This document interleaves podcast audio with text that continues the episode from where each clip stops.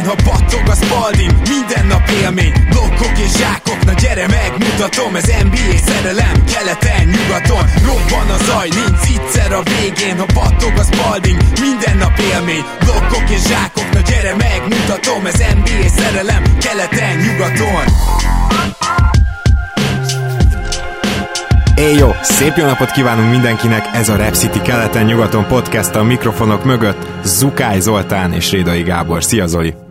Szia Gábor, sziasztok, örülök, hogy itt lehetek. Na, mielőtt nekiesünk a mai adásnak, pár dolog.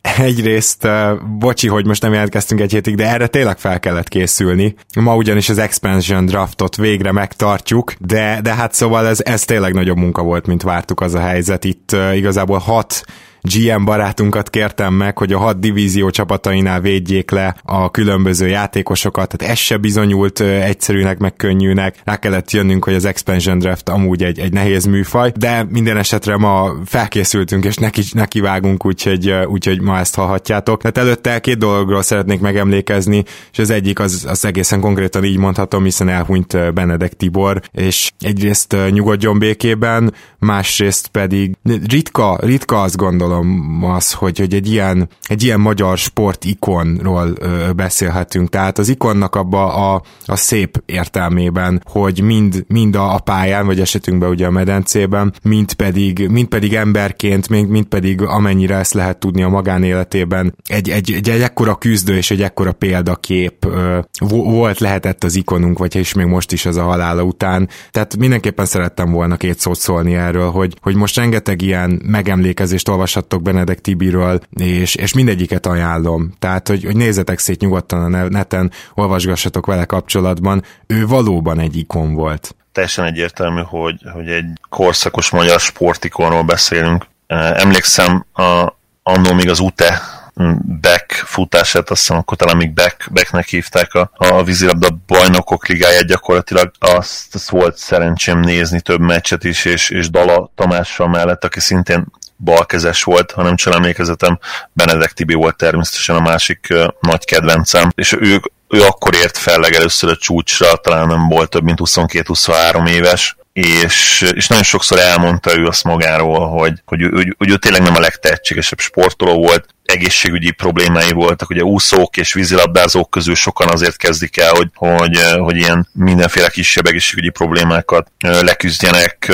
például asztmásoknak nagyon sokszor szokták olyan, hogy, hogy kezdjék el a, a, az úszást, a medencét, mert az állítólag nagyon jó ezekre, és, és gyakorlatilag úgy építette fel magát ez az ember, ahogy, ahogy arra nagyon-nagyon kevesen képesek, és ha nem egy kicsi ország szülötte, akkor valószínűleg most az egész világ ismerné mert őt, őt a saját sportágában, nyilván nehéz sportokat összehasonlítani, de ő, de ő tényleg ez a, ez a Michael Jordan kategória volt, ez a Wayne Gretzky kategória, ez a Roger Federer eh, kategória, és a mi nemzetünknek ő tényleg, tényleg ez a, ez a kategória volt. Világszinten persze nem, de, de ő kvalitásait, illetően emberi, emberi kvalitásait, sportolói kvalitásait, ő, ő tényleg ez, ez, ez a figura volt, és hát nagyon-nagyon szomorú, hogy, hogy, hogy ilyen fiatalon, fiatal gyermekekkel kell, kell itt hagyni ezt a, ezt a földet, ezt a bolygót. Nem, nem tudom, hogy hiszek el a, a túlvilágba, de, de remélem, hogy hogyha létezik, akkor, akkor ő ott is ott is ez a, nem tudom, ez a nagy küzdő lesz. Hát, hogyha ez így van, akkor biztosan ebben, ebben én teljesen biztos vagyok, mert a magyar társadalmon belül is nagyon jól mutatja például az, hogy mennyire tisztelték őt, hogy ugye tehát sportújságírói berkekben, és, és igazából újságírói berkekben ezt már régóta tudtuk, így fogalmazhatok, engem se került el az információ, hogy komoly betegséggel küzd, úgyhogy sajnos engem nem lepett meg annyira ez a bizonyos hír, de még, még, egy, még egy ilyen szennylap, bulvárlap sem írta meg gyakorlatilag azért az ilyeneket ők, ők meg szokták írni, meg, meg nem néznek ilyenkor se Isten, se embert, ugye? Benedek Tiborról mégsem, mégsem írták meg. Sokan azt mondják, hogy ez is annak köszönhető, hogy annyira, annyira általánosan szerették őt az emberek. Ez, ez valószínűleg már nem lehet véletlen. De hogy átmenjünk egy ilyen átvezető témával az ikonokba. Volt egy érdekes dilemmám az elmúlt napokban, Zoli, ezt neked sem mondtam még, úgyhogy te is most fogod először hallani. Egy érdekes kettősség bennem, pont az ikonokkal kapcsolatban kapcsolatban. Ugye kisebb botrányt váltott ki, hogy azt hiszem egy Fideszes, de itt most ilyen szempontból tök mindegy, hogy milyen párthoz tartozó képviselő, egy, egy Martin Luther Kinget, de ezt mindjárt eldöntjük, kiparodizáló fényképhez odaírta, hogy kolosszális, mint hogy kolosszálisan nagy poén, legalábbis így lehetett értelmezni. Lett is belőle felháborodás. A, a kép az maga az, hogy ugye egy, egy fosztogató, ö, fekete bőrű ö, tüntető, foszt, aki éppen fosztogat, tehát ő van lefényképezve, és akkor az van kiírva fölé, hogy Martin Luther King, mert ugye ez a Luther, ez a két óval írt, ez, ez fosztogatót is jelent. És, és ugye azért elég nagy felháborodás volt magából a, a képből is, hogy ez így mémé lett, és azon gondolkoztam, hogy, hogy én alapból például a fekete humort is kedvelem, illetve mindenképpen azt vallom, hogy a humor a tragédiáknak is az egyik feldolgozási szakasza, nyilván nem, nem egy temetésen kezdesz el viccelődni, tehát ezt mindenki érzi, de, de egy idő után akár a humor is lehet a tragédiának is egy feldolgozása. Ugye alapvetően az, hogy, hogy viccelődünk, akár, akár komoly dolgokkal is, az, az nem áll tőlem távol, nyilván azért a helyén kezelve. Mégis bennem is van egy olyan, hogy, hogy Martin Luther Kingen nem tudom, hogy viccelődnék-e. De, de először azt kéne eldönteni, hogy ez a fotó, ez valójában ez a mém azt üzeni, hogy Martin Luther King forogna a sírjában, hogyha látná ezt, mert ugye így lesz Martin Luther Kingből Martin Luther King, vagy pedig egyszerűen csak a, a feketéknek a, a nem tudom én szűnni nem akaró, és nyilván ez egy rasszista felhang társadalomba beilleszkedni képtelenségét akarja kiparodizálni a fotó, hogy ezt, e, se tudom eldönteni igazából, mert mind a kettő egy értelmezés lehet, és akkor ugye rögtön más, hogy ez egy, ez egy vicces fotó-e vagy nem. Mit gondolsz erről, Zoli? Hú, ez nagyon nehéz kérdés én is imádom a, a fekete humort, megmondom őszintén. És, de... és mielőtt még nagyon jól csengő rasszista viccel ö, valaki ezt elütné, nem a bőrszínről beszélünk. Nekem, én nagyon szeretem a stand-upot, ezt tudni kell rólam, és nem kell, de ha már így beszélünk róla. Anthony Jeselnik, Jimmy Carr a brit vonalról, vagy akár ugye a hát komoly karriert megváltoztató balhékban kerülő, ezt lehet balhénak hívni. Louis C.K. valami nem ugrott be, neve pedig az egyik kedvencem. Szóval az, az ő humorokat is nagyon-nagyon szeretem, és náluk tényleg nincsen tabu téma, ezt, ezt tudni kell, hogyha meghallgatjátok őket, a, mi, minden, tehát ráktól elkezdve, tényleg a legdurvább témát, amit el tudjátok képzelni, az sem tabu náluk. Viszont az a színpadon történik, egy mikrofonnal, egy, egy teljesen más stilisztikai, és én szerintem egy teljesen más morális közegben is, tehát tudod azt, hogy a stand-up, és, és aki ráadásul tényleg követi a stand-upot, azt tudja, hogy ők maguk is a, a stand-up humoristák elmondják nagyon sokszor, hogy amit mondanak, az nem feltétlenül van mindig korrelációban azzal, hogy ők milyen emberek, sőt, teljesen más végletbe is elmehetnek, és, és ezt mindenkinek tudnia kell, amikor egy stand-up show megnéz. Kicsit más az, amikor valaki mondjuk a monitor előtt ül, és kirak egy ilyen, egy ilyen mémet. A kettő szerintem nagyon-nagyon más, és, és pont ezért én is azt gondolom, hogy, hogy ilyen kontextusban nem, nem nagyon lehet viccelni egy ilyen, egy ilyen historikus személye, de más kontextusban például egy stand-up show keretein belül teljes mértékben elnézném, sőt valószínűleg nevetnék is rajta. Igen, ez egy jó megoldásnak hangzik, szóval itt alapból ugye az ilyen típusú humor az annak az eredeti célja, vagy legalábbis ahogy én ezt a típusú humort értelmezem, annak kéne legyen, hogy, hogy társadalomkritikát és görbetükröt nyújt, tehát, és valahogy ebbe a kategóriába sorolnám ezt is. De bennem van egy ilyen jobb hiány, azt tudom mondani, hogy elitizmus is, hogy vannak bizonyos emberek, akikkel már, már nem viccelnék. És, és tudod, kik ezek az emberek, Zoli? Talán azt mondanám, hogy, hogy vannak például a 20. századnak is olyan alakjai, talán a legfelső polccal kezdjük, tehát egy második János pápa, egy Gandhi, egy Terézanya, tehát e, ezek az emberek, ezek háborúkat állítottak meg folyó háborúknak a, a hamarabb befejezéséhez járultak hozzá, elnyomó rendszerek összeomlásához járultak hozzá. Én nem érzem azt, hogy, hogy, hogy, hogy velük valahogy jó viccelni, vagy szóval ott, ott, ott, abszolút ők, ők nálam egy ilyen szentember kategória, és, és talán, talán csak egyel alatta, de még mindig kivilágítva, és még mindig elefántcsontoronyból készült polcon, szintén ott van egy Pantheonban egy Martin Luther King, vagy egy, egy mit tudom én, egy, egy Helen Kellerrel, egy Nelson Mandélával, lehet, hogy egy följebb van, egy magyar példát példát is mondjak, egy Vincentivel, tehát, az, akik, tehát ezek az emberek, ezek igazából ilyen hősök valahol, elképesztő, hogy mit vittek végbe, és, és ezek nem úgy hősök, mint nem tudom én, a középkorban szenté avatott véres gyilkosok. Azért ezt érezzük. Tehát, hogy, hogy, hogy én, én bennem az is bennem van, tudod, hogy nem viccelnék ezért egy ezekkel az emberek. Engem az is zavart, amikor mindenki azt énekelte, hogy Teréz anya, ő is masszívan szívna. Tehát engem ez totál zavart, mert én tudtam, hogy ki az, szembe azzal a, a tömeggel, aki ezt énekelte, és ért, értettem azt, hogy hát igen, jól hangzik, és ezért énekeljük, hogy magyarul mindent magyarítunk, és úgy énekeljük, király, király, de, de nézzetek utána például, hogy ki volt Mother Teresa, és így, meg mit csinált Kalkuttában, le fog esni az állatok, és ott fog kopogni, végig, amíg olvastok. Nagyon durva. Tehát szeretném, hogy legyen most is egy ilyen Teréz anyája a 21. századnak is. És ez, ez valamiféle elitizmus, mert végül is velük is miért ne lehetne viccelni, de én nem szívesen viccelek velük. Valahol egyet is értek veled, meg valahol nem is. Az, az biztos, hogy ezek a nevek, akiket felsoroltál, és itt most nyilván lehetne még Ó, sokat. Kit is ide venni Mandela mellett például, akire ugye ugyanez igaz Burma kapcsán. Igen. Vagy, vagy én nekem azt is mondanám, hogy, hogy itt még olyan embereket is ide vennék, mit tudom én, egy, akár egy, egy Bob Geldof, vagy, vagy mondjuk az, az újak közül még talán Bonót itt, aki rengeteg, rengeteg mindent feláldozott azért, hogy, hogy valahogy a világot jobbá tegye. Nem azt mondom, hogy nem lehet viccelni ezzel, nem lehet viccelni az ősztemékkel, de, de megértem a te álláspontodat. Nem feltétlenül értek vele egyet, de értem, hogy te honnan jössz. Hmm. Én kicsit hipokritikus lennék, álszent lennék, hogyha azt mondanám, hogy, hogy, hogy nem tudom elképzelni azt, hogy mindenkivel vagy mindennel lehessen viccelni, de az, az biztos, hogy vannak olyan személyek, akikkel kapcsolatban nagyon óvatosnak kell lenni, még egy humoristának is, is, és, és a célja nem lehet önző, hanem, hanem annak, annak a viccnek akkor tényleg olyan kontextusban kellene megjelennie, hogy, hogy azért meg is mutatja azt, hogy, hogy az illető személy milyen pozitív lenyomatot rakott a világra, illetve tudnia kell az illetőnek, hogy ki, ki az, akiből úgymond viccet csinál. Igen, ezzel teljesen egyetértek, tehát van egy ilyen típusú félig támogató humor, tehát nem, nem is erre gondolok, hanem ha például ez a kép, amiről beszéltem, ez inkább ez inkább egy rasszista kép volt. Igen, ez, ez céltalan, az a, vagy céltalannak tűnik ez a probléma vele igazából. Igen. Vagy, Igen. vagy ha van célja, akkor ez egyértelműen negatív cél. Jó, igazából ennyit akartam, elnézést kérek a hallgatóktól, hogy itt ilyen sokáig elhúztam az időt ezzel a témával, de akkor most nekiesünk az Expansion Draftnak, és hát kezdjük azzal, hogy ugye hat GM barátunkat megkértük, hogy védjék le a játékosokat, de meglepődtünk mindannyian, hogy milyen bonyolult szabályok szerint működik ez.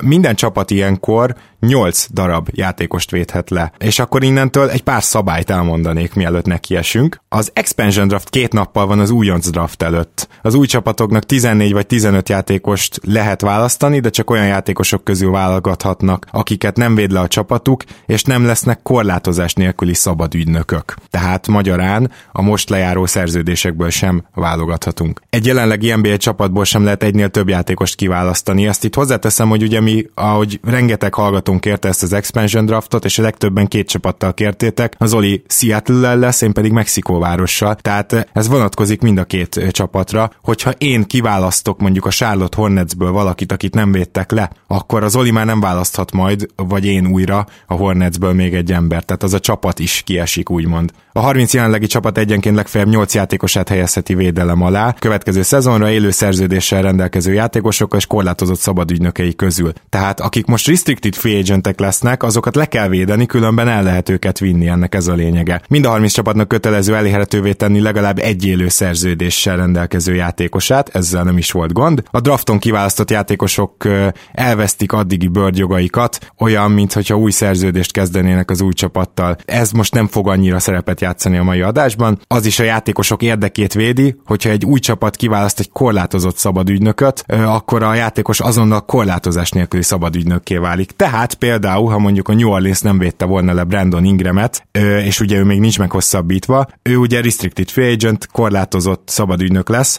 Ha ezt Zoli Seattle-be vagy én Mexikóvárosba őt elvinnénk, akkor ő azonnal korlátozás nélküli szabadügynök lesz. Természetesen még mindig mi tudjuk neki a legtöbbet ajánlani, a 8%-os emelésekkel 5 helyett és 5 év, 4 év helyett, és nagyobb kiinduló szerződéssel, de de ettől függetlenül ő dönthet úgy, hogy máshova megy. Tehát ezért a restricted free agent hát nem tarthatja meg egy tök új csapat olyan könnyen. Pénzügyi vonatkozások, a liga új csapattal nem enged túlzottan sok szabad cap space-t a piacra, ugyanis csak a 66%-át használhatjuk majd föl nyáron a meglévő cap space-nek. Most egyelőre 108 millióval számoltunk, de a lényeg az, hogy most mi draftolunk egy csomó játékost, ha azok meghaladják a 108 millió 66%-át, mondjuk, hogy 70 milliót, akkor mi egyáltalán nem igazolhatunk a nyáron, de hogyha mondjuk nagyon csak sneciket gyűjtögetünk be, ahogy Szemi mondaná, szia Szemi, akkor, akkor is csak 70 millióig. Nyilván azt akarja meg akadályozni ez a rendelet, hogy mondjuk te ledraftolsz olyanokat itt az expansion drafton, akik ilyen nulla szerződéssel rendelkeznek, és utána három maxost begyűjtesz, hogy akkor gyertek álljatok össze, hogy ez ne legyen, ne tud így letarolni a piacot. Hát nekünk majd Zolival azt is kell nézni, hogy ha akarunk esetleg nyáron valakit igazolni, arra hagyjunk pénzt. Oké, okay, és akkor az új csapatok az expansion draft és a szezon első napja között bármikor waiverre rakhatják bármelyik kiválasztott játékosokat, és ez nagyon extra, tehát így gyakorlatilag akiket választunk, azok közül is bárkit bármikor waiverre rakhatunk, és ilyen esetben nem fog beleszámítani a kebbe, de ki kell fizetnünk a szerződését. Ezért van az, hogy az expansion draftoknál, a legutóbbinál is szeretnek nagyon üzletelni az új csapatok a már meglévő csapatokkal. Na, remélem, hogy kellően hosszú volt ahhoz, hogy már senki ne hallgasson minket, de a lényeg az, hogy, hogy így, így, így ennek megfelelően fogjuk elkezdeni, és Zoli arra kérlek, hogy 10 és 1 között mondj egy számot. 8. Jó, akkor most uh, Random uh, Generator itt van előttem, hogyha 6-tól 10-ig mutatja, akkor te kezdesz, hogyha 1-től 5-ig, akkor én és 5 lett, úgyhogy, úgyhogy ez nekem szerencse. Viszont cserébe a két nappal ezután következő drafton, amit nem fogunk leszimulálni, csak beszélünk róla, te választhatsz majd, Seattle választhat majd a hatodik helyen, és Mexikóváros a hetedik helyen, tehát ott, ott, ott majd Seattle választhat előbb. És arra kérnélek, mielőtt felsoroljuk, hogy kik vannak levédve, kik az elérhetők, hogy mondd el, hogy milyen stratégiát szeretnél követni, Seattle milyen stratégiát szeretne követni, egy ilyen GMI helyfoglalót kérek. A legnemesebb és a, és a városhoz leginkább passzoló cél nyilván az lenne, hogy, hogy a Seattle-t egyből bejutassam a play újra, miután ugye megalakulunk a másodszor is megalakulunk. A, a klub történelme elképesztően sikeres, ugye 1966-ban alapították eredetileg, utána jött a Lenny Wilkins éra, aztán 75-ben a nagy, a nagy Bill Russell vezetésével már a, a playoff is összejött az első alkalommal. Vele egyébként csak a konferencia döntő jött össze utána, de, de 78-ban már a döntő is. A, a Bob Hopkins, Lenny Wilkins, a már említett Lenny Wilkins, e, ekkor már ugye utóbbi edzővel, tehát edz, ezzel az edző duóval. E, ott még kikaptak 4-3 a Washington Bullets-tól, de, de a következő évben a bizony a bajnoki cím is összejött ennek a gárdának 1979-ben, és, és ez egy, egy Gus Williams, Dennis Johnson, a Jack már épülő csapat volt egyébként, ők voltak talán a legnagyobb nevek, és szerintem érdekesség, hogy jó eséllyel ezután a bajnoki cím után, a 79-es bajnoki cím után, ha nem gondolom rosszul, akkor 2004-ig kellett megint arra várni, ugye, hogy, hogy egy olyan csapat nyerjen, ahol, ahol nem volt igazi korszakos egyéniség vagy szupersztár, de legalábbis top 30-as és top 40-es szerintem játékos sem, és, és hát ugye ez 2004 óta megint csak nem sikerült senkinek. Úgyhogy ez egy nagyon-nagyon ritka dolog, ez a Seattle Supersonics a 79-es egy, egy igazi nagybetűs csapat volt, senki nem átlagolt eleve 20 pont felett az alapszakaszban. Ilyen múlt mellett nyilván a playoffot kellene megcélozni, de hát sajnos ezt beszéltük az adás előtt is, totálisan lehetetlen egy expansion drafton. A srácok, admin pajtik, illetve a podcastunk barátai vendégei tettek arról, hogy hogy ez teljesen esélytelen legyen, legyen, nyilván levédtek minden valamire való játékos, úgyhogy a következő cél az az lehet, hogy, hogy high upside játékosokat vadászni valahol, nem volt ebből sem nagyon sok szerintem a, a wrestling között, kettő darab olyan nevet, sőt, igazából inkább egyet, egy olyan játékos találtam, akit én torony magasan a legnagyobb upside-dal bírónak gondoltam, és őt szeretném elvinni az első helyen. Meglátjuk, hogy te elrabolod-e őt előlem. Na, nagyon kíváncsi leszek.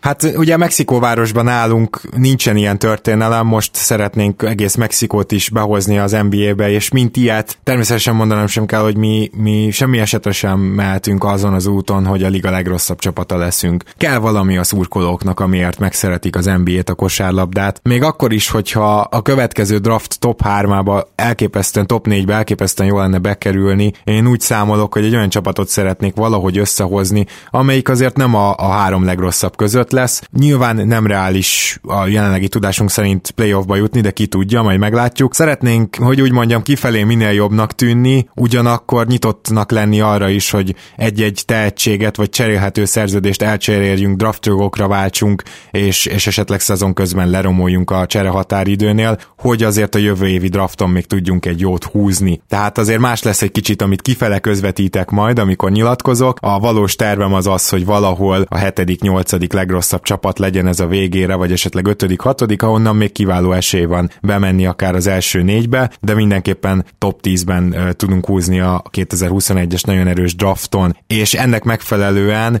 nem csak és kizárólag fiatalokat fogok választani. Kell, kell egy-két olyan játékos, akit valamiért nagyon szerethet a, a közönségünk, és természetesen ez a 18 millió ember itt Mexikóvárosban. Na és mivel én kezdek, meg fogjátok ismerni minden csapatnál, hogy ki lett levédve, illetve kiből választhattunk, de én az első helyen szeretném kihúzni, és itt meg is nyitom akkor a draftboardomat, Norman Powell-t, Torontóból.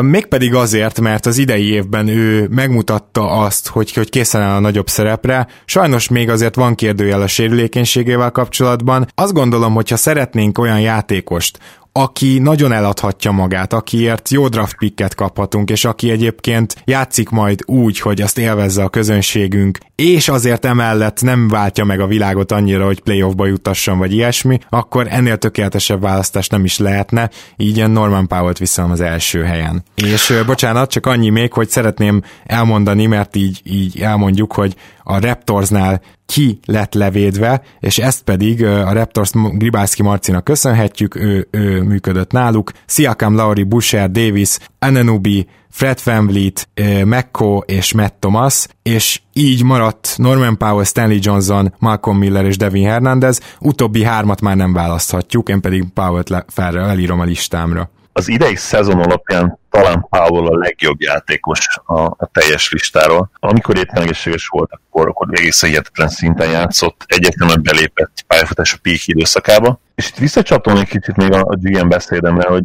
nagyjából hasonló vonalon fogunk ma mozogni, mivel ugye nekem mindig az a célom, hogy ugye fiatal talentumokat találjak, magas upside bíró játékosokat, de ez itt ma valamennyire szintén korlátozva van. Tehát nyilván a legnagyobb tehetségnek vannak a, leg, van a legnagyobb upside és levédték a többiek ezeket a játékosokat. Úgyhogy a cél nálam is tulajdonképpen az, hogy, hogy találjak olyan veteránokat is, amellé az 1-2-3, de tényleg nem több olyan fiatal mellé, szerintem még lehet kakaó is, ezért Pavel az én listám, az én draftboardomon is elég magasan volt. De nem volt az első. Helyen. Aha, jó, szuper, igen.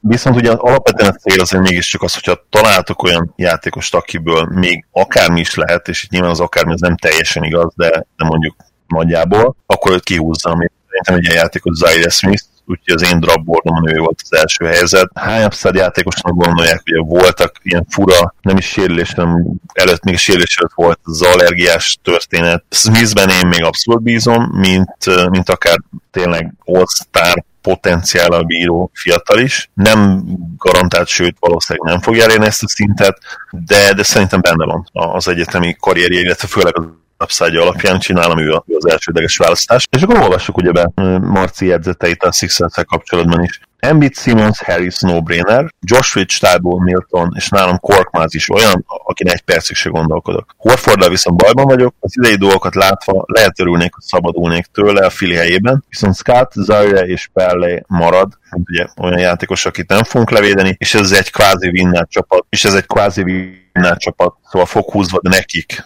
Horfordot kell választani. Úgyhogy Horfordot végül ugye levédtem, Marci gondolkodott rajta, és, és ezt a három játékot az általó listára.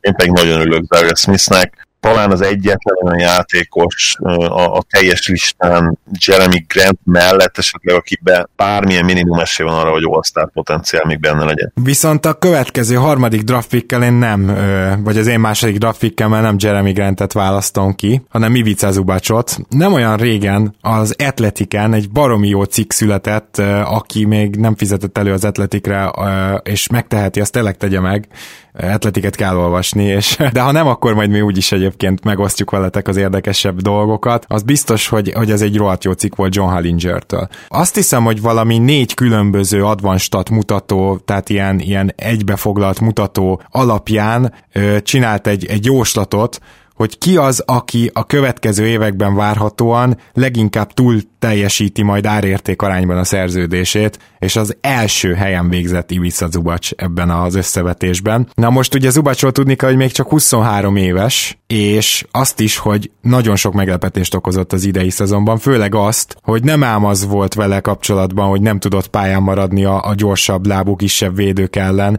és Herel meg igen, hanem, hanem inkább azt mondhatjuk, hogy védekezésben egyértelműen ő volt a jobb center kettejük között. Az lehet, hogy egyébként mondjuk egy konferencia döntőben egyikük sem lesz pályán, hanem mondjuk smallballoznak, vagy nem tudom, J. Michael Green lesz pályán.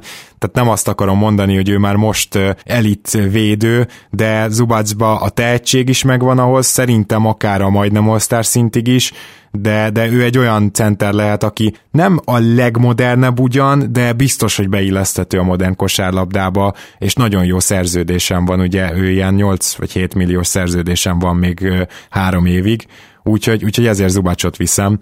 Mm, fájérte a szíved, Zoli? Tehát nyilván fáj, mert a top 6-on már nekem is ott volt. Zubaci nagyon jó játékos, hogy Hallingernek igaza lesz. Azért vele kapcsolatban el kell mondani, hogy nem tökéletes erre az érre. Lehet, hogy Hallingernek igaza lesz, mert amit tud, ahol értékelt is, és itt most a pick and elleni védekezést is mondom, a gyűrű védése mellettemben nyilvánvalóan az egyik legjobb a ligában, de amíg nem tanul meg triplázni, amíg nem vállalja el a, a triplákat, addig számomra limitált a, a max potenciája a, a modern 2020-as NBA-ben. És akkor én megmondom a Clippers-t, ahol Kawhi Leonard, Paul George, Harold, Beverly és Lou Williams volt levédve, valamint Semé, Marcus Morris és J. Michael Green, és így Zubac, McGruder, Ka, Gangbele és Mann maradt, és hát most már senki, mert Zubacot ugye akkor vittem. Oké, okay, és akkor te érkezel Zoli a második draft pickeddel. Így van, és ez Jeremy Grant, a kiválasztottam. A Nuggetsnél ilyen felemás szezonja volt, ugye én, én nagyon sokat vártam tőle, és statisztikailag egyébként nem is volt annyira rossz, de Pándi Gergő barátunk hozta az advent statokat.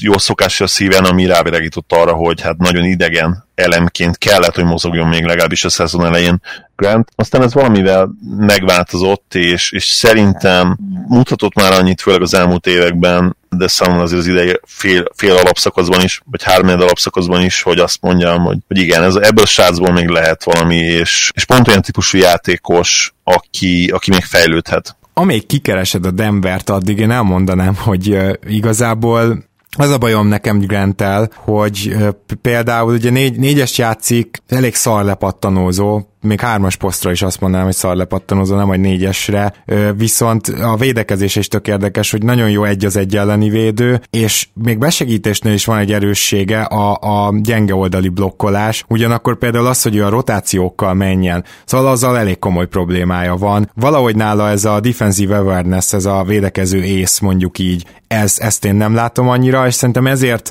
nem, nem olyan jó védő, mint ahogy be lett reklámozva, de ettől még egy 3 embernek jó, tehát most is ugye 40%-kal dobott, én nem látok már nagyon upside-ot nála. Tehát én úgy gondolom, hogy nagyjából ez a max, hogy bedobálja a tripláit, arra azért nem lehet nála számítani, leüsse a labdát, és, és nem túl jó pattanózó, inkább azért van a pályán, hogy az ellenfél legjobbjait próbálja egy az egybe hatástalanítani, ami persze elképesztően fontos csak, csak ilyen, ilyen jellegű problémák miatt nem választottam hamar benne lett pakliva, abszolút, hogy már nem fejlődik, és mondjuk ez a, ez a 14-4 kettő, egy blokkal, ami az ő píkje, de azt azért mondjuk ki, hogy a jelenlegi felhozatalban, amit kaptunk, ez sem feltétlenül egy annyira Ó, rossz dolog. Ez, ez nem egy rossz dolog, így van. És a Denvernél pedig Kik is voltak levédve? Jokic, Millsap, Harris, Barton Murray, Porter Jr., Craig és Morris, akit levédett, kivédett le Szem, Szemi barátunk, Szemenké Balázs barátunk.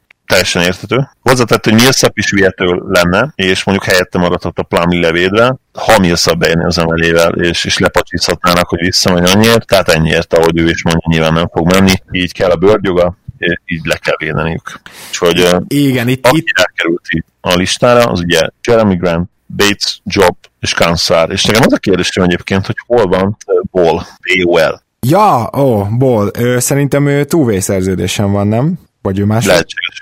És nem, őket nem lehet? Vagy? Nem, nem igazán vettem én bele, de, de hogyha van olyan túvé szerződésen lévő játékos, akit akarsz húzni, akkor ja. szerintem nyugodtan. A- annyi, hogy ugye itt sajnos volt egy kis kavar, tehát ezért is mondtam, hogy nem tudom, lesz ez tökéletes. Nyilván, tehát Millsap lejáró, és én úgy tudom, hogy semmilyen opciója sincs már következő évre, tehát őt alból se választhattuk volna, nem is kellett volna levédeni, csak ugye a legelején még úgy akartunk nekiállni, hogy ez az év elején van, aztán megnéztük a konkrét szabályokat, úgyhogy ha találtok ilyen inkonzisztenciákat, akkor ezzel elnézést nem a, nem a GM-ek tehetnek róla, hanem, hanem mi voltunk azok, vagyis én, aki nem tudtam a leges legelejétől letisztázni mindenkinek a, a szabályokat, és ezért egy kicsit össze-vissza születtek levédések. Most is erről beszélünk, de legalább így egy Jeremy Grantet el tudott Zoli vinni, akiről ugye te meg voltál győződve, hogy szerinted nem lép, vagy belelép az opciójába, viszont most pár hete olyan hírek jöttek, hogy nem lép bele, úgyhogy ilyen szempontból még érdekesebb lesz, hogy meg tudja tartani majd Seattle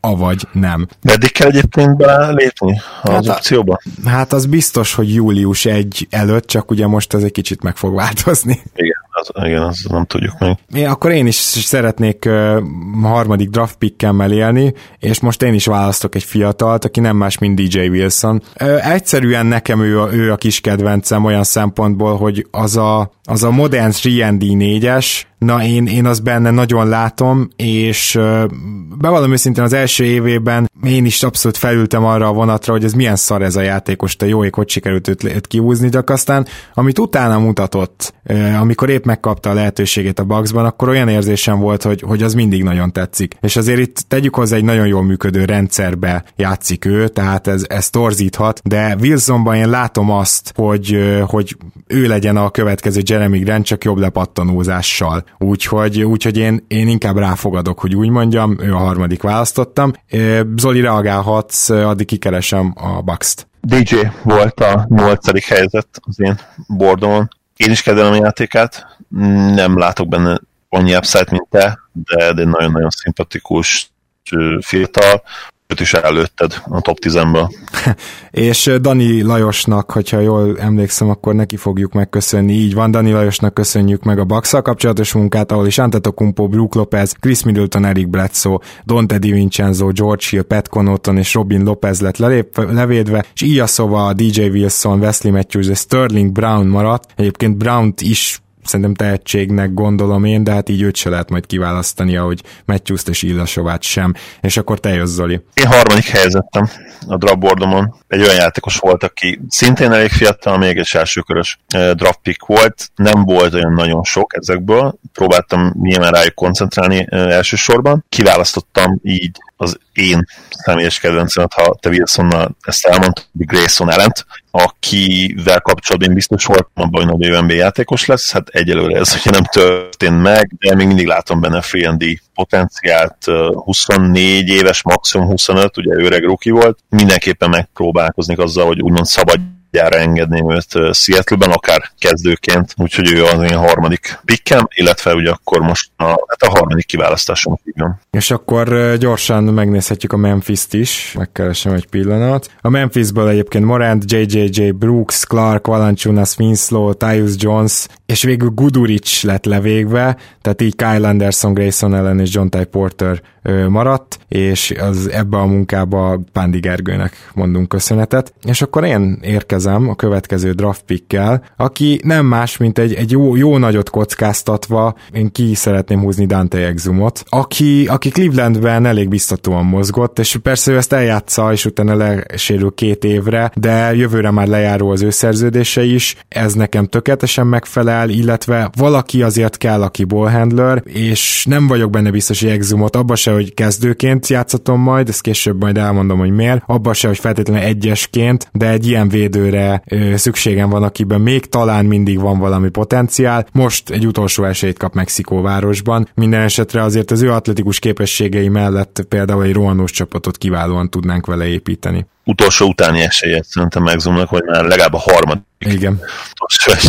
És uh, mindjárt mondok Clevelandet is. Ugye a Cleveland Cavaliersben Sexton, Garland, Larry Nance, Kevin Love, Porter, Osman, Drummond és Thompson volt levédve, és Exum, Windler és McKinley maradt, tehát Windlert már nem lehet elvinni. Ugye én rajta is gondolkoztam egyébként uh, ilyen későbbi draftra, de aztán végül, vagy későbbi draft helyre, de aztán végül Exumot választottam, és Dani Lajosnak köszönjük szépen a munkát. És te jössz. Következő kiválasztottam, Ázia Hartenstein, aki mm. ugye a Rocketsben idén helyenként nagyon-nagyon jó dolgokat mutatott. Második körös pick volt a 17-es drafton, középiskolás szupersztár, hihetetlen statjai voltak, utána egy európai kitérője is volt, ugye ő Amerikában született, de, de gyakorlatilag hát német is, a srác ugye, német és amerikai. Teljesen igaz az, az is, ami, ami DJ Wilsonra, de, de nekem nagyon tetszenek az ő, az ő fizikai eszközei, nagyon-nagyon mozgékony ez a, ez a hét láb magassághoz képest, és hát iszonyú energetikus a srác, úgyhogy, úgyhogy én őt is ebbe a fiatalabb magba, amit, amit elképzelek itt a Seattle-nél, Grayson ellennel, Grant-el és természetesen Zaya Smith-szel, ő, ő, ő tökéletesen kiegészítés, ő volt gyakorlatilag az, az, akit mindenképpen még a top 5-ben ki akartam választani. Kicsit egyébként ez ilyen rizikósabb dolog, ugye nem sokat játszott még az NBA-be, G ligában is vitézkedett, ott ugye a bajnokcsapat tagja volt, de én látom benne azt, és ugye, hogy ezt tegyük hozzá, én, én, én abszolút látom benne még, még az upside-ot a, a potenciált. 22 éves magas ember abszolút fejlődhet benne a pakliban, úgyhogy ő volt az én negyedik pikken. Na, hát elérkezünk itt az ötödik pikkel ahhoz, hogy úgymond kell egy kis só is a népnek, és itt én nagyon gondolkoztam, ezek szerint a Dallasból mind a két játékos bemaradt idáig, és nagyon gondolkoztam, hogy ugye az egyik só az az lenne, hogy csinálnék egy Bobán köré valamennyire épülő csapatot, de aztán úgy döntöttem, hogy Zubacs nekem kell annyira, hogy Bobán ne kelljen, viszont akkor már elviszem Tim Hardaway Jr.-t, aki egy olyan packórer lehet nálunk, főleg egy ilyen szép év után, a, aki, akinek ráadásul a kezébe is lett valamennyire adni a labdát, de, de az a 3 szerep, főleg a 3, amit idén hozott, az is nagyon meggyőző volt. Érdekes és jó párost alkothatnak Norman powell is, akár a 2-3-as poszton. Powellnek ugye nincs baja azzal, hogyha hármast kell játszania, még ha a Hardaway-nek van is. Úgyhogy, úgyhogy a Dallas, Dallas is kiesik a listáról, és el is mondom, hogy kikestek ezzel, ki bár Bobánt már mondtam. Tehát a Dallas Mavericksnél le volt védve Doncic, Porzingis, Kleber, Curry, Finney Smith, Wright, Brunson és Jackson, és így Powell, THG, Boban és Willi Colistein maradt, hát most már senki nem maradt, és így az ötödik választásom akkor tehát ő lesz. Hát volt képed még egy top 10-es pikkemet előni természetesen, Tim Hardaway Jr. személyében. Ő volt az a játékos, akiért hajlandó lettem volna benyelni egy nagyon nagy fizetést. Talán nem néztem végig az összes fizetést úgy egymás mögé állítva, de talán a legnagyobb fizetésre bíró játékosunk ugye ezen a listán. Hú, nem tudom, hogy me- van... Portis mennyit keres, azt kéne megnézni, mert ott az a kettő a közel. 20 millió, illetve 18, 18 és fél, ugye. Akkor kevesebbet, igen. Annyira jó játszik idén, és nyilván ez Lukának is köszönhető meg, meg a rendszernek és Kárlánynak, de, de annyira jól játszik, annyira jól dob hogy, hogy abszolút elgondolkodtam rajta, hogy, hogy oda kéne vinni, és, és úgymond őt szabadjára engedni, mint, mint az első számú opciómat, mert ezt nem teheted meg ugye egy Zaire Smith-szel, nyilvánvalóan nem teheted meg egy Grayson ellene, vagy egy, vagy egy Hartenstein-nel, vagy akár egy Jeremy grant mind ugye kiegészítő ember, és persze THG is kiegészítő ember, de mégis ebbe az első számú opció szerepbe talán ő lett volna leginkább odaillő, úgyhogy őt is elvitted el, előlem, szégyed magad. Ha, na, ezt már örömmel hallom, bár persze van olyan is, aki engem is érzékenyen érintene, kíváncsi vagyok, hogy, hogy bosszút állsz-e. Remélem, igen, mert ha jól emlékszem, kedveled ezt a játékost, kell Oliniket. Ó, oh, Oliniket visszaértem. Mm, vegy, gondolkodnom kellett abban, hogy, hogy, hogy impact játékosokat is, ugye, és utána jöttek fiatalabbak, nyilván, nyilvánvalóan jöttek fiatalabbak, ugye már elmondtam, hogy nyolcadik volt nálam DJ Wilson, ugye kilencedik volt THG, aki ugye nem fiatalabb, nagyjából Olinikkel egyidős, de Olinikről tudjuk, hogy, hogy ő impact játékos és és ráadásul kellett még egy olyan magas nekem uh, Isaiah Hartenstein mellé, uh, mert valószínűleg kis csatárként játszottam ugye Grantet, aki be tudja dobni a triplát, és Olinik egy ilyen játékos, úgyhogy őt vittem el az ötödik pikkemmel. Tiszta sor, és akkor ezzel ugye a Miami Heatnek a, a menői is kiesnek. Ezt Mészáros Péternek köszönjük szépen. Nála, aki, aki nem lett levédve az Olinyik, ha belép, ha nem lép be, akkor Okpala. Azt mondtuk, hogy belép, mert ez a Azért ez a várható, ugye, ő belépett a szerződésébe, és ő volt az egyetlen a Miami-től, akit lehetett vinni, úgyhogy ezt az egyetlent vitte el Zoli, és akkor én mennék is tovább az én hatodik választottamra. Majd innen kezdődik lassan az a rész, amikor már kicsit jobban pöröghetünk, mert egyszerűen a következő játékosok közül már nem sokat kell bemutatnunk, nem is biztos, hogy mindenki ismerni fogja őket, és nem is biztos, hogy megtartjuk, megtartjuk, de azért én mindenképpen szeretném elvinni Chris Dunt, és nagyon örülök, hogy a hatodik helyen még benn maradt. Az egész liga egyik legjobb védője, ezt így simán. Tehát, hogy ő, ő posztól függetlenül is top 15-ös védő, a támadásbeli hiányosságai miatt 20-25 perces játékos. Én azt gondolom, hogy mivel nem egy jó támadó játékost kiválasztottam már, Powell, STAG mindenképpen ilyenek, de azt gondolom, hogy Exummal is lehet majd rohanni, Zubacsa, DJ Wilsonnal egy jó ö, magas ember párosom lehet. Kell azért egy ilyen védődémon a padra, akitől még nem lesz feltétlenül olyan nagyon jó a csapat, ezt láthattuk a Chicagóba is, de mégis érdekes trade chip lehet akár. És nyilván ő ugye restricted free agent, tehát utána gyakorlatilag oda megy, ahova akar. Én remélem, hogy nálunk, hogyha kap egy lehetőséget, akkor, akkor marad, és meg tudja mutatni, hogy van még benne több. Ezt se zárnám ki teljesen, hogy esetleg még támadásba is ennél legalább egy fokkal jobb lesz ha meg nem marad, akkor azt is kibírjuk, hiszen exumunk már van. Úgyhogy én nálam Danna hatodik választott, és akkor gyorsan a Chicagóba elmondanám. A Chicago Bullsba Wendell Carter, Zach Levin, uh, Lori Markanen, Kobe White, Thomas Satoranski, Otto Porter, Ted Young és Daniel Gafford volt, sajnos ő is levédve, pedig őre nagyon vadáztam volna. Így Dan Valentine, Archie Diacono, Hutchinson, Corné, Shaquille Harrison és Felicio maradt. Őszintén megmondom, hogy Mexikóvárosi csapatként egy kicsit Felicióban is gondolkoztam, de aztán nem bírtam rávenni magam. Nyilván ő brazil, tehát annyiban nincs köze Mexikóhoz, hogy inkább csak irányban van, és ugye nem is feltétlenül szokták, a brazilnak portugál az anyanyelve, ezért nem is feltétlenül szokták klasszik hispanikus országnak hívni, de nem ezek szóltak elsősorban Felicio mellett, hanem hogy egy szarszerződés még egy évig, illetve hogy egy szarjátékos. Úgyhogy Chris Dunn. Dan felett átsiklott a szemem, illetve azért nem teljesen igaz, mert elolvastam, láttam a nevét, de megmondom össze, hogy én nem, nem, nem, egyszerűen nem kedvelem őt. Tudom azt, hogy mennyire jó védő, és tudom azt, hogy idén is tényleg mennyire jó védekezett, de egyszerűen számomra annyira nem ad semmit támadásban, és upside terén sem, hogy, hogy egyszerűen nem is került rá az én, az én 15-ös drabbordomra, megmondom őszintén. És utána meg nyilván ott volt azon játékosok között, akik, akikben még gondolkodhatnék, de, de nagyon, nagyon csak a keret feltöltésre. És ráadásul nem is keres olyan nagyon keveset, ha jól emlékszem, mennyit keres? Hát az most mindegy, mert most lesz restricted, illetve így, hogy kiválasztottam igen, tényleg restricted, úgyhogy úgy, igen, az nem számít. A következő, ugye a hetedik helyzetje a drabbordomnak. Zubacon még gondolkodtam volna, ugye a hatodik helyzet volt az én drabbordomon, de kell ugye nekem egy irányító. Nem, nem a kezdő irányítómat választanám most ki egyébként, és, és itt kicsit azért nyilván a Euro fétisemnek is ked, kedvezek. Eli Okobót választanám itt ki, aki egy projekt, ez teljesen egyértelmű, hát ugye expansion csapat vagyunk, miért ne vállalhatnánk egy ilyen projektet is. Minél több olyan játékos takarok, amiben akiben még lehet upside, szerintem Okobó is ilyen. Hát róla tudni kell azért, hogy, hogy ő egy, egy atletikus, elvileg jó dobó, majdnem elsőkörös pick volt, szerintem azért ez, ez értéket jelent, ugye 31. kiválasztott volt két éve, és persze az NBA eddig nem sikerült, de nem is nagyon kapta meg a lehetőséget, azt a lehetőséget, amit nálunk egyértelműen meg fog kapni, vagy megkapna. Én sajnálom, hogy őt kihúztad, mindjárt elmondom miért. Májer Gyurinak köszönjük a Phoenix Suns-t, ahol Devin Booker, Aiton, Cameron Johnson, Dario Saric, Michael Bridges, Ty Jerome, Kelly, Ubre és Ricky Rubio volt levédve, és maradt ugye Leki, Okobo,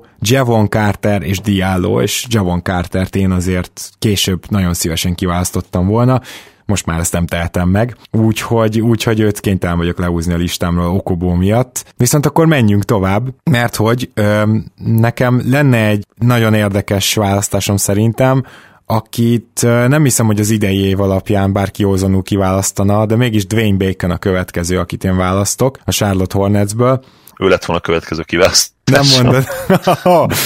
Na most Baconről azt kell tudni, hogy egy nagyon-nagyon biztató tavalyi, értsétek 18-19-es szezonja volt, ahol jó dobta a triplát arra az epizód szerepre, amiben beállt támadásban is tényleg hozzá tudott tenni, és a védekezésével szerintem neki olyan hatalmas gond azért sose volt, gyakorlatilag nem, nem azt mondom, hogy kávályokat tud fogni, de kettes-hármas poszton igenis rá lehet rakni egy veszélyesebb játékosra, viszont az idei évben rohadt szarul dobta a triplát, és bár ugyanúgy megkapta a tizen pár perceket, ami mutatja, hogy védekezésben rendben volt, de idén 41 os TS-sel dobott, úgyhogy abban a jó évben, amit mondtam, ott 57, tehát ott, ott tényleg jó volt, nem csak úgy biztatóan egy, egy nem tudom, fiatal játékos, ott tényleg jó volt. Én azt gondolom, hogy akibe benne volt az, azt, azt most nem temetem el egy kisiklott szezon miatt, és ezért Dwayne bacon választom a Hornetsből. És hát akkor ezek szerint ez, ez neked rosszul jött, mert ő jött volna nálad. Így van, így van. Ugye itt már olyan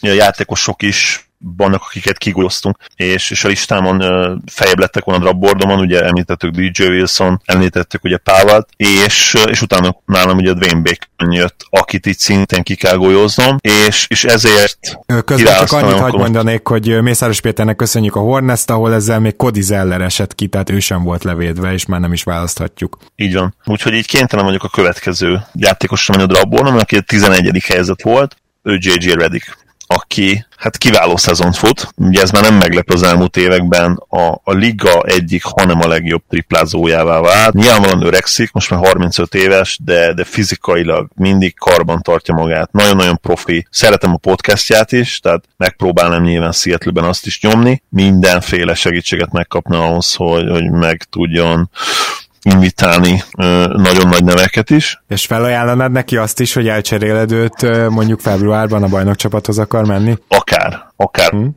Azt is, igen. Mert én így gondolkoztam De... rajta, tudod, hogy azért azt mégsem mondhatom igen. neki, hogy most gyere ide négy évre. Igen, ne, nyilván egy, egy, egy, egy éves szerződés, igen. Rediknek egy komolyabb szerződés, ő is most lejáró lesz, ugye? Ő is, hát ugye 2020-21-ben még igen. a szerződés, és utána lejár, igen. Igen, abban nyilván mm, azt, azt a pénzt megadnak neki probléma nélkül. Mm, kell egyszerűen olyan játékos, mint, mint amilyen ugye, ő se lesz első szem opció, sőt ő még kevésbé lehet első szem opció, mint mondjuk Tim Hardaway Jr., de, de, de kell a floor spacing, olyan játékosokat is kiválasztottam, akik, akik hát nem túl jó triplázók, és JJ erre nagyon jó, még mindig talán a legjobb, úgyhogy hogy ő a következő kiválasztottam. Ugye érdekes, hogy mivel én már jó pár nagyobb szerződést is benyeltem, ugye Powell 8, Zubac 7 milliót keres, Exum 9,6-ot, és emellé jött még TSG, ezért nekem lassan elfogy az a helyem, amivel mondjuk egy, egy Ingramre, egy Bogdanovicsra rá tudok menni, és ez az, a, csak mondom, hogy ez az, én kiválasztanám akár Portiszt is szívesen, mert sok okom van erre, igazából főleg az, hogy szórakoztató legyen a mexikói közönségnek, és szerintem ő ezt így vagy úgy, de garantálja. Minden esetre nem választom ki, azért, mert szeretnék magamnak hagyni némi teret a 70 milliós sapka alatt, tehát ezért, ezért nem választom Portiszt, viszont akit megválasztok, őt a New Orleans Pelicansből választom, és Kendrick Williamsnek hívják, aki szerintem a neked is valahol ott szerepelhetett a draftboardodon. Ugye Williamsről azt kell tudni, hogy egy nagyon ilyen mokány, ilyen tehát olyan játékos, akit nem nagyon rak szarrébb, ilyen ránézel is pú, az meg, nyaka van, és egyébként pedig az elmúlt években egy projektje volt a, a New Orleansnak, és, és amikor megkapta a lehetőséget, egyre inkább kezdett bizonyítani. Nem valószínű, hogy belőle valaha elit triplázó válik. Talán az se, hogy elit védő, de hogy egy, Lighty 3 játékos, aki, aki a padról jön, az bőven benne van, és azért még viszonylag fiatal. Úgyhogy Kendrick williams választottam, és ezzel a New Orleans Pelicans is kiesik. Én, én őt teljesen elfelejtettem, úgyhogy szégyen nem szégyen, de pedig valóban rákerültett volna simán a drapbordomra. És akkor én most kiválasztom a kezdő iránytomat, ha nem probléma. Aha, tedd meg. Ez pedig Cory Joseph lesz. Wow! mindig fan voltam, vagy legalábbis onnantól kezdve mindenképp, amikor te felhívtad rá a figyelmemet. Ugye, ugye tudni kell Corey Josephről, hogy, hogy gyakorlatilag a legjobb éveit eddig Toronto Raptorsban töltötte, töltötte el, ahol szerintem egyetértesz velem, hogy kiváló-kiváló cseréirányító volt. Egy-két szezonban legalábbis. Abszolút. Én, én, én azt gondolom, hogy, hogy vele cseréirányítóként lehet, hogy nem nyertük volna meg egyébként ezt a bajnoki címet, de, de ez csak Fred Van nek szól, és nem neki. Joseph Igen. egy olyan valaki, aki rohadt idegesítően sokat püföli a labdát, és nem tud elég jól triplát dobni, ugyanakkor amikor csinál egy pick and roll akkor mindig pontosan passzol, nem adja el soha, ilyen, ilyen visszafogott irányító, valamennyire egy klasszikus irányító, ami kevés van a, a ligában azt gondolom, hogy egy olyan veterán, akitől lehet tanulni. Nagyon jó védő, nyilvánvalóan ez az Okobó mellett azért pozitívum lenne, mert a, a védő oldalon nagyon sokat tudnak tanulni tőle, és ha mondjuk Okobo, Okobóban gondolkodom, még akkor JJ Reddiktől is nyilván shooting terén, pontszerzés terén e, tud tanulni, úgyhogy nyilván tudjátok, mivel kell várat, várat építeni, miből kell várat építeni. Kellett egy ilyen, úgy gondoltam, hogy kell egy ilyen veterán presence, ezért, e, ezért nekem Joseph a, a kiválasztottam, és valószínűleg ő lesz a kezdő irányító, ami valahol persze szomorú tény, de, de ez van. 9. helyen viszem, én pedig a saját 9. helyemen Damien dotson akit itt az adás előtt realizáltunk, hogy, hogy, hogy lehet vinni New Yorkból. Ugye Dotson nekem már ilyen régi beidegződésem, hogy ő valamelyik csapatban, amelyik nem ilyen diszfunkcionális, mint a Knicks, egy, egy nagyon jó 3 játékos lesz. Talán ennél több is. Sokat gondolkoztam, hogy Trier vagy ő, mármint sokat, hát most adás előtt óta melyiküket vigyem, mert ugye Trier azért inkább egy irányító, ugyanakkor az, hogy Dotson jól is tud védekezni, és hogy akár egy jó trade chip is lehet később, hogyha egy komolyabb játékosért cserélünk, meggyőzött, hogy, hogy nekem ő kell itt a 9. helyen el is viszem. Közben annyit azért elmondanék, hogy a New Yorkba ezzel kiesett ugye Trier, aki, aki fontosabb, illetve Cory Josephre sem reflektáltunk, hogy gyorsan beütök egy Sacramento-t. Sacramento Kingsből Cory Joseph mellett Jabari Parker és Justin James esett ki, ez azt hiszem nem fog szíven ütni egyikünket sem. És akkor te kilencedik választottad? Így van, ugye itt már lejjebb kell mennem megint csak a, a listámon.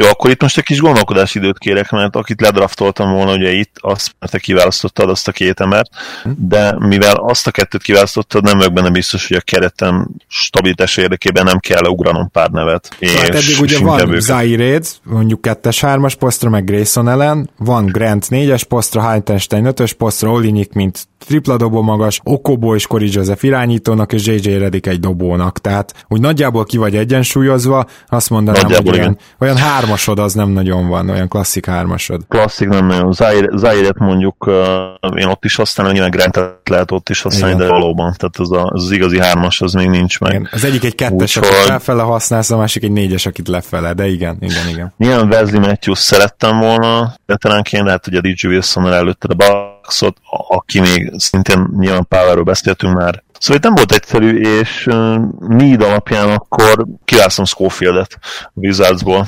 Ő, ő még nagyjából belefér abba a kategóriában, hogy ugye tudom a, a hármas poszton játszatni, van egy, egy nagyon-nagyon jó neve, azt tudjuk, nem egy shooter, filmon fogalmazva se egyelőre, de nagyon-nagyon fiatal, még mindig. Ő tényleg, igen. Én is, én is, tehát hogy felírtam, ő benne azért van potenciál egyértelműen, ezt el kell, hogy mondjuk. Meglátjuk, hogy mennyire van benne. Nyilván van totális lutri, de a briteket mindig imádtam, brit NBA játékosok oda vagyok értük, úgyhogy, úgyhogy hajrá, kiválasztom az admirált, az admirálist. Na igen, és akkor azt pedig mondjuk el, hogy ezzel kiesik ki, aki pedig, hogyha jól látom, nem más, úgy Washingtonból kiesett Ismith, aki Nyilván, tehát szerintem mind a ketten elgondolkoztunk rajta, ő Igen. azért egy olyan irányító, aki nem baj, ha a csapatban van. A Cory Joseph volna arra nekem jó lett volna, de, de védekezésem miatt Cory Josephet választottam. Igen. Inkább ez tiszta sor, és neked ugye olyan kis szerződéseid vannak, hogy van is pénzed Cory Josephre bőven. Pascal Nix, hogyha jól mondom a nevét, szintén kiesett így Washingtonból. A többiek beleértve volt is, le volt védve, de egyébként volnál, lehetett volna ajánlatot tenni mondjuk úgy, mert hogy Mészáros Péter írt nekünk egy külön kis eszét arról, hogy milyen csomagokon keresztül tudnánk úgy becserélni, hogy átvesszük volt, és, és, és még azért mi járunk jobban a pikkekkel is, de azok már inkább pikcserék, hogy, hogy azért az ő arca, mint GM is megmaradjon, de, de végül egyikünk sem vállalta be ezt a kockázatot, hogy a John Wall szerződést átvegyük. És akkor én elmondanám, hogy a következő választottam egyszerűen ő olyan, akit mindenképp ki akartam választani, de tudtam, hogy esetleg lejjebb is bent lehet, viszont már nagyon fogynak a csapatok, akikből egyáltalán választhatunk, és nem kockáztatok tovább, még mielőtt a Warriors-ra véletlenül ránéznél. Toscano Anderson az NBA egyetlen mexikói játékosát viszem, és oh. nem, nem hiszem, hogy nagyon magyarázni kell, hogy miért. Szép, ez szép, ez nagyon szép. És így mindjárt mondom, hogy a Warriors-tól kiesik ki, csak beírom az én Toscán Andersonomat, de ez szóval, tehát Ugye nem kell magyaráznom, meg fogja kapni a lehetőséget. Mexikóiként kettes-hármas poszton bevethető, úgyis egy csomó vingen van, ami jó, úgyhogy őt ki kellett választanom.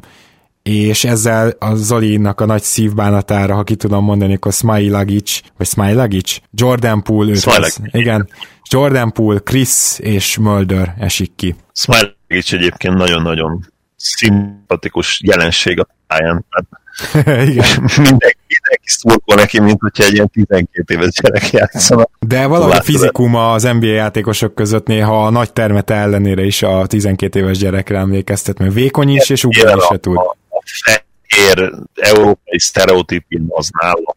Telibe. Nála tényleg, egyrészt ő is, nyilván ez terterő is, de, de a közeg is, tehát Persze én látom benne a potenciált, miért ne láttam benne a potenciált, hogy fehér európai, eleső magas ember. Mm, tényleg nem tűnik teljesen ügyetlennek. Kicsit ilyen poszt nélküli az a baj, tehát ő tweener, tweener a lelkem, az egyértelmű. Hát kell neki egy tripla, és akkor ragadhat meg az NBA-be hosszú távon. Meg egyébként Európában is akkor játszom nagy csapatban, hogyha lesz egy triplája. Na, akkor viszont én kíváncsi vagyok arra, hogy neked ki a tizedik választottad. Most megint így gondolkodtam, és nézegettem a blackboardomat, nagyon sok mindenkit előttünk már, mm, főleg te ugye, mert én a saját pikkeimnek azért nyilván örülök, amiket el tudtam vinni, arra nem hoztam ezt az előni kifejezést, viszont ha már ellövésről beszélünk, akkor én itt, én itt elvinnék egy Carson Edwardsot, a gyors tüzelő törpét, aki hihetetlen látványos játékos, és, és hát volt egy, egy idő ebben a szezonban, amikor úgy nézett ki, vagy úgy tűnt, vagy azt hittük, hogy a rotációba is lehet majd a Celticsnél, és hát játszott is azért, ami Brad Stevensnél elég komoly dolog. És uh, nyilvánvalóan látszik, hogy, hogy meg lesznek a problémái az NBA védekezésben, a méretmének köszönhetően, de aki a legelső évében 35 meccse, most megnéztem közben, azt a referencet, 35 meccse pályát kerülni Stevens alatt, az, az akkor is megsimogalendő, hogyha messze nem tudott úgy dobni, mint a preseasonban, amit nyilván látunk is, hogy nem úgy lesz. Jelen pillanatban inkább lő, mint uh, tölt, de, de miért nem? Ez meg Seattle-ben, hogy third string irányítónak én, elviszem őt. Én a tizedik helyen Keldon Johnson-t viszem a Spursből. Ugye ő egy első kör végi választott, aki hát nem nagyon kapta meg még a bizalmat, de a Spurs gyakran használja fel az első évet a játékos fejlesztésére, és hogyha most is ez történt, akkor lehet, hogy egy nagyon nagyot húzok. Azért ez jó nagy kockázat, mert amikor viszont pályán volt, akkor olyan nagyon nem nyűgözött le, de, de Keldon Johnson az a Spursből, és a Spursből így Mills, Lies és Mettu eset ki, a többiek le vannak védve. Az én kiválasztottam Niang Jet, és nyilván limitált kísérletek mert még, de, de nagyon jó. Ez ott a büntető százalék alapján is hiszem, hogy a nagyobb volumen esetén usage mellett is lehet nekünk ez a stretch for, akár ugye erőcsatározat tudom tenni, nem annyira gyors kis csatárokhoz, de nyilván meg kell harapni az egy úgyhogy Niang. Niang. Jó, én viszont kell, hogy válasszak, egy olyan magas embert, aki, és ezt talán látszik eddig egyetlen egy centert választottam, és szinte egyetlen egy magas embert, ez nem véletlenül van, de most akarok egy olyat, aki azért valamennyire négyes poszton is már megfordult, tehát Niangot beírtam nálad, és a 12. választásom az a most már Atlantában lévő Skull Lobassiére esik. Tehát Skált viszem, talán még mindig van benne ö, potenciál, ez az egyik indoklásom, a másik, hogy akár négyest is tud játszani, a harmadik, hogy talán még valamit élhet trade chipként ki, is, hogyha itt most meg tudja magát mutatni. 4-es, 5-ös poszton bevethető, úgyhogy gyakorlatilag még ő, és, és nekem itt a 12 egyébként véget is ér az, akit úgy választok, hogy, hogy, hogy nem, nem akarom kirakni. Tehát talán itt Skálig bezárólag megvan a csapatom, a többieket már úgy választom, hogy, hogy már kiraknám, úgyhogy nem is ragaszkodok hozzá, hogy őket már kiválasszuk, de kíváncsi vagyok, hogy neked ki a 12 választottad. Igen, hát már az én portomról gyakorlatilag eltűnt mindenki. Hm? Ugye 16-ig írtam a játékosokat. Én is, tehát én is most már az utolsó kettőnél már inkább a fejemben volt meg ez a board, és nem leírva. Maradt ugye hat csapat, onnan még lehetne húzni, kettő azért nem akarok hozzányúlni, a Pacersból nekem nem kell senki, a Lakersből szintén nem kell senki, úgyhogy én kiválasztom cserecenteremnek, nézem itt a depth kell nekem még center Ken Burchett, aki ugye, mm, nem feltétlenül center de a modern érában azt hiszem egész jó mennyi is van, először nézem képei alapján, igen, tehát két láb Wingspan, az nem annyira elit, mondjuk inkább ilyen erőcsatár méret, de, de Burch atletikus cserecenternek megfelelő, vagy akár third centernek megfelelő lesz, hogy Ken Burch-ot választ. Ha nem ragaszkodsz hozzá, én nem húznék tovább, tehát hogyha muszáj, akkor ki tudom húzni még Justin Holiday, de őt is kitenném, bárkit kitennék, akit innen húzok, hanem inkább mesélnék a terveimről. Ő benne vagy? Abszolút. Jó, akkor annyi, hogy mondom a csapatokat. Seattle, Zaire Smith, Jeremy Grant, Grayson Allen, Isaiah Hartenstein, Kelly Olinik, Okobo, J.J. Redick, Corey Joseph, Schofield, Carson Edwards, Niang és Birch. Az én csapatom, vagyis Mexikó város csapata pedig Norman Powell, Ivica Zubac, DJ Wilson, Dante Exum, Tim Hardaway Jr., Chris Dunn, Dwayne Bacon, Kendrick Williams, akit ráadásul szerintem illegálisan választottam ki, de most már biztos nem fogjuk módosítani. Ugye egyből Reddick után feltűnhetett volna, hogy az ugyanaz a csapat, úgyhogy ezért most elnézést kérek. Dodson, Toscano Anderson, Keldon Johnson és Skull. És... Hát nem kérdés, hogy erősebb, megegyezhetünk a legelején. Be, e, igen, igen. E, ugye nekem ez is célom is volt, hogy azért ez ne csak tankoló csapat legyen. Én azt gondolom, hogy ez, ez valami hasonló erősséget képvisel ez a csapat, mint az idei Hornets, főleg, hogyha lesz nekem is egy, egy olyan Devonté graham aki azért ki tud emelkedni. Szerencsére azért nálam is igaz az, hogy ezek fiatalok, és amiért hagytam helyet, az pedig az, hogy, hogy nekem más terveim is vannak, főleg centerbe. A, ami, amiben biztos vagyok, hogy nagyon szeretném azt, hogyha sikerülne Gustavo Éjont, aki 35 éves visszahozni, hogy most éppen Oroszországban pattogtat. Ő lenne az egyik cserecenter jelöltem, de ha ő nem sikerül, akkor Paul szeretném, hogy, hogy nálunk még egy ilyen utolsó évre neki fusson. Nyilván ő meg spanyol, Éjon ugye mexikói, gondolom mind a kettő érthető, ebből legalább az egyik magas ember jöjjön be, ez mindenképpen célom a free agent piacon, és hát ezen kívül pedig, ha a drafton én mindenképpen irányítót szeretnék választani, ha akár Ball, akár, most ő nem klasszik irányító, de ball handler, Avdia, jól mondom a nevét, Zoli? Igen. Igen, akár Halliburton leesik a hetedik helyre, és erre jó esély van, ugyanis már mind a hármat láttam. Hát Bolt nem nagyon láttam top 5 kívül, de Avdiát és Halliburton egyértelműen láttam már top 5 kívül. Ha, ha bármelyik leesik, akkor őket választanám, és az ő kezükbe adnám a labdát, és hogyha ez nem jön össze, akkor viszont Micsicset próbálnám meg áthozni Európából, tehát valahogy az irányító helyzetet vagy a drafton, vagy Micsicsel megoldanám, a legrosszabb esetben nyilván leszerződtetnék egy DJ Augustint kicsit túlfizetve egy évre, de, de nem szeretném, hogy idáig fajuljon a dolog, tehát kell lennie egy olyan ballhandlernek, aki elit, és a maradék pénzemből Bogdanovicsra nem hiszem, hogy rá tudok menni, úgyhogy ilyen szempontból arra használnám fel a maradék pénzem, hogy nagy szerződést nyeljek be. Például, ha nem sikerül egyáltalán az irányító kérdés megoldása, akkor az OKC-nek felajánlanám azt, hogy én elkérem Chris Paul-t, és csak egy pikket kell adniuk mellé. Wow, ez érdekes ötlet.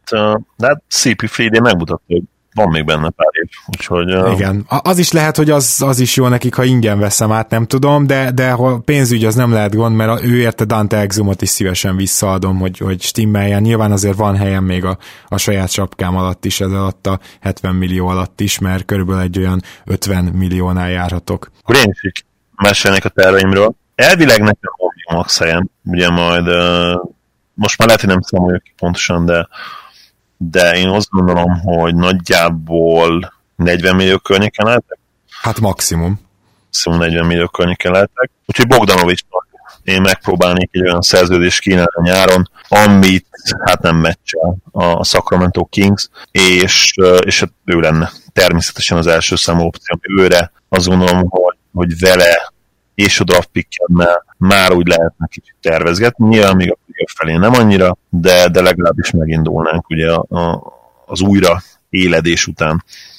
És hogy kit, ven, kit vinnék el a drafton, ez egy nagyon-nagyon jó kérdés. Elsősorban upside-ra mennék el. Nyilván az én draft boardomon is most hol beszélek Zukár Zoltáról, James Wiseman az első érzett, ezt mm-hmm. kedves tudják hogy ő tartom a legnagyobb potenciál a bíró játékosnak, és van olyan maga, ahol ő most a negyedik helyen van. Nyilván nagyon nehéz elképzelni, hogy lecsúszson a, a, a hatodik helyre, ahol én, vagy mi választanánk ugye ebben a szenárióban, de ha mégis, akkor nyilván őt választom ki. Kilian Hayes akit nagyon-nagyon kedvelek, nagyon nagy upside-dal rendelkező játékosnak tartok. Tényleg, tényleg sok videót néztem róla az EB-kről, ahol ugye ha, ha minden legértékesebb játékosnak is választották őt, úgyhogy ő lenne a, a második kiválasztásom, hogyha bent van, és hát senki nem tud meglepődni azon, hogyha azt mondom, hogy, hogy Danny Avdia is természetesen ott van a, a listámon, és nagyon szívesen választanám ki őt is érdekes prospekt, a teremben most nagyon-nagyon neki a dobás, hogyha a Twitterét követitek, ha nem, akkor is ajánlom, hogy menjetek fel kirakott videókat, ahol ilyen 20 plusz dobást sűjesztel egymás után, de úgy, hogy a nagyon nagy része cson nélkül. Tökéletes dobó technika tényleg, de tudjuk, hogy teremben dobni, ha valaki adja neki labdát, teljesen más, mint, mint megy szituációban. Nem tudjuk, hogy ez mennyire fog transzlálódni nyelvtan vacs, rég volt nyelvtan vacsunk az NBA-be, de, de ez, ez a három prospekt, aki én elsősorban szeretnék megfontolni ezen, ezen a hatodik hely környékén, és hát ugye arról is beszéltem már, hogy én mennyire kedvelem Nico Meniont, nehéz lenne azért a hatodik helyen elvinni. Igen, igen, igen, igen, igen, azért akkor már Tio Maledont is, akit szintén kedvelsz, előbb vinnék el a hatodik helyen. Akkor ugye Hayes jobban kedvelem, mint Meledont, de, de igen, akkor már, akkor már inkább, inkább egyértelműen Maladont, mint, mint, mint Meniont az nagyon nagy rics lenne azért a hatodik helyen. Na, maratoni podcastünk végére értünk. Pár csapat nem hangzott el, hogy ott kik lettek levédve, és kik azok, akik bent maradtak. Elnézéseket kérjük, de nem akartunk ilyen száraz felsorolást, és most szerintem nagy, nagyjából azért lehet mindenkinek sejteni, hogy ki az a top 8, akit levédett, de ha van kérdésetek, írjatok kommentbe, és remélem nem csak mi válaszolunk, hanem GM kollégáink is, akiknek nagyon szeretném megköszönni, hogy ennyit dolgoztak és segítettek nekünk. Ezek név szerint Dani Lajos, Májel György, Gibárszki Marci, Pándi Gergő, Szemenkei Balázs, és a legfőbb köszönet pedig Mészáros Péternek jár, aki utána nézett nekünk a szabályoknak a közös csoportban, amit létrehoztunk, ezeket betette. Magyarul leírta nekünk jól érthetően a szabályokat, amiből szemezgettem és felolvastam az adás elején. Peti, neked is ajánljuk ezt az adást, és, és köszönjük szépen, és, és Benedek Timor emlékének is természetesen. Zoli, szerintem nagyon érdekes volt két más felfogásba draftolni azért, azért te tényleg egy hatalmas prospekt csapatot draftoltál, én Mexikóvárosba természetesen szerettem volna egyből kicsit látványosabb, talán, talán, talán úgymond playoffra, szezon feléig legalább esélyes csapatot összehozni, és hát szerintem mind a kettőnknek sikerült a terve, köszönöm szépen, hogy itt voltál. Örülök, hogy itt lettem, remélem, hogy hogy hamarosan csatlakozik ez a két város az NBA-hez. Reális esély van rá, hogy, hogy 5-8 éven belül ez megtörténik. A, a Seattle esetében azt gondolom még inkább, de mindenki azt mondja egyébként, hogyha bővülni fog, akkor két csapattal fog bővülni, és hogyha két csapattal fog bővülni, akkor az egyik az bizony mexikai csapat lesz. Ott pedig nem kérdés, hogy melyik, akkor melyik város jöhet szóba, csak is kizárólag Mexikóváros. Úgyhogy remélem, hogy, hogy ez ebből realitás lesz viszonylag hamar. Hát kíváncsi vagyok, hogy milyen hamar, de ha realitás lesz, akkor ez a két csapat általán sorba Las Vegas mellett a leginkább, az biztos. Jó, hát köszi szépen, és akkor jövő héten meg most már rendesen jelentkezünk, talán nem kell egész héten egy podcastre készülnünk. Örülök, hogy itt lettem. Szia Gábor, sziasztok! Kedves hallgatók, köszönjük szépen, hogy hallgattok minket, hogy támogattok minket patreon.com per keleten-nyugaton, és hogy követtek minket Facebookon és az egyéb elérhetőségeinken, amit most nem fogok végig sorolni, így is hosszú volt az adás, úgyhogy jó hétvégét kívánok nektek, kett táján jövünk, sziasztok!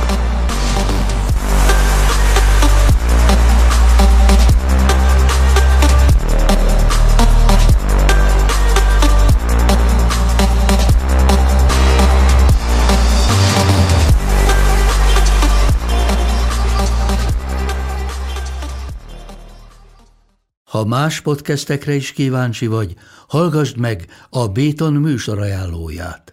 El tudod képzelni, hogy a podcastet, amit éppen most hallgattál, fél év múlva már a mesterséges intelligencia generálja? Mi sem. De ha érdekel, eljött már a gépek lázadása. Hallgass bele az Embertelen podcastbe. Orsós Lajos vagyok, a műsor házigazdája. Egyelőre még élőben. Egyelőre. Fedezzük fel együtt, hogyan ismerkedik, randizik, mesél és vitatkozik Betty és Péter, két teljesen mesterséges intelligencia. Lajos, a podcast címét mond még egyszer, Léci. Oké. Okay. Embertelen podcast.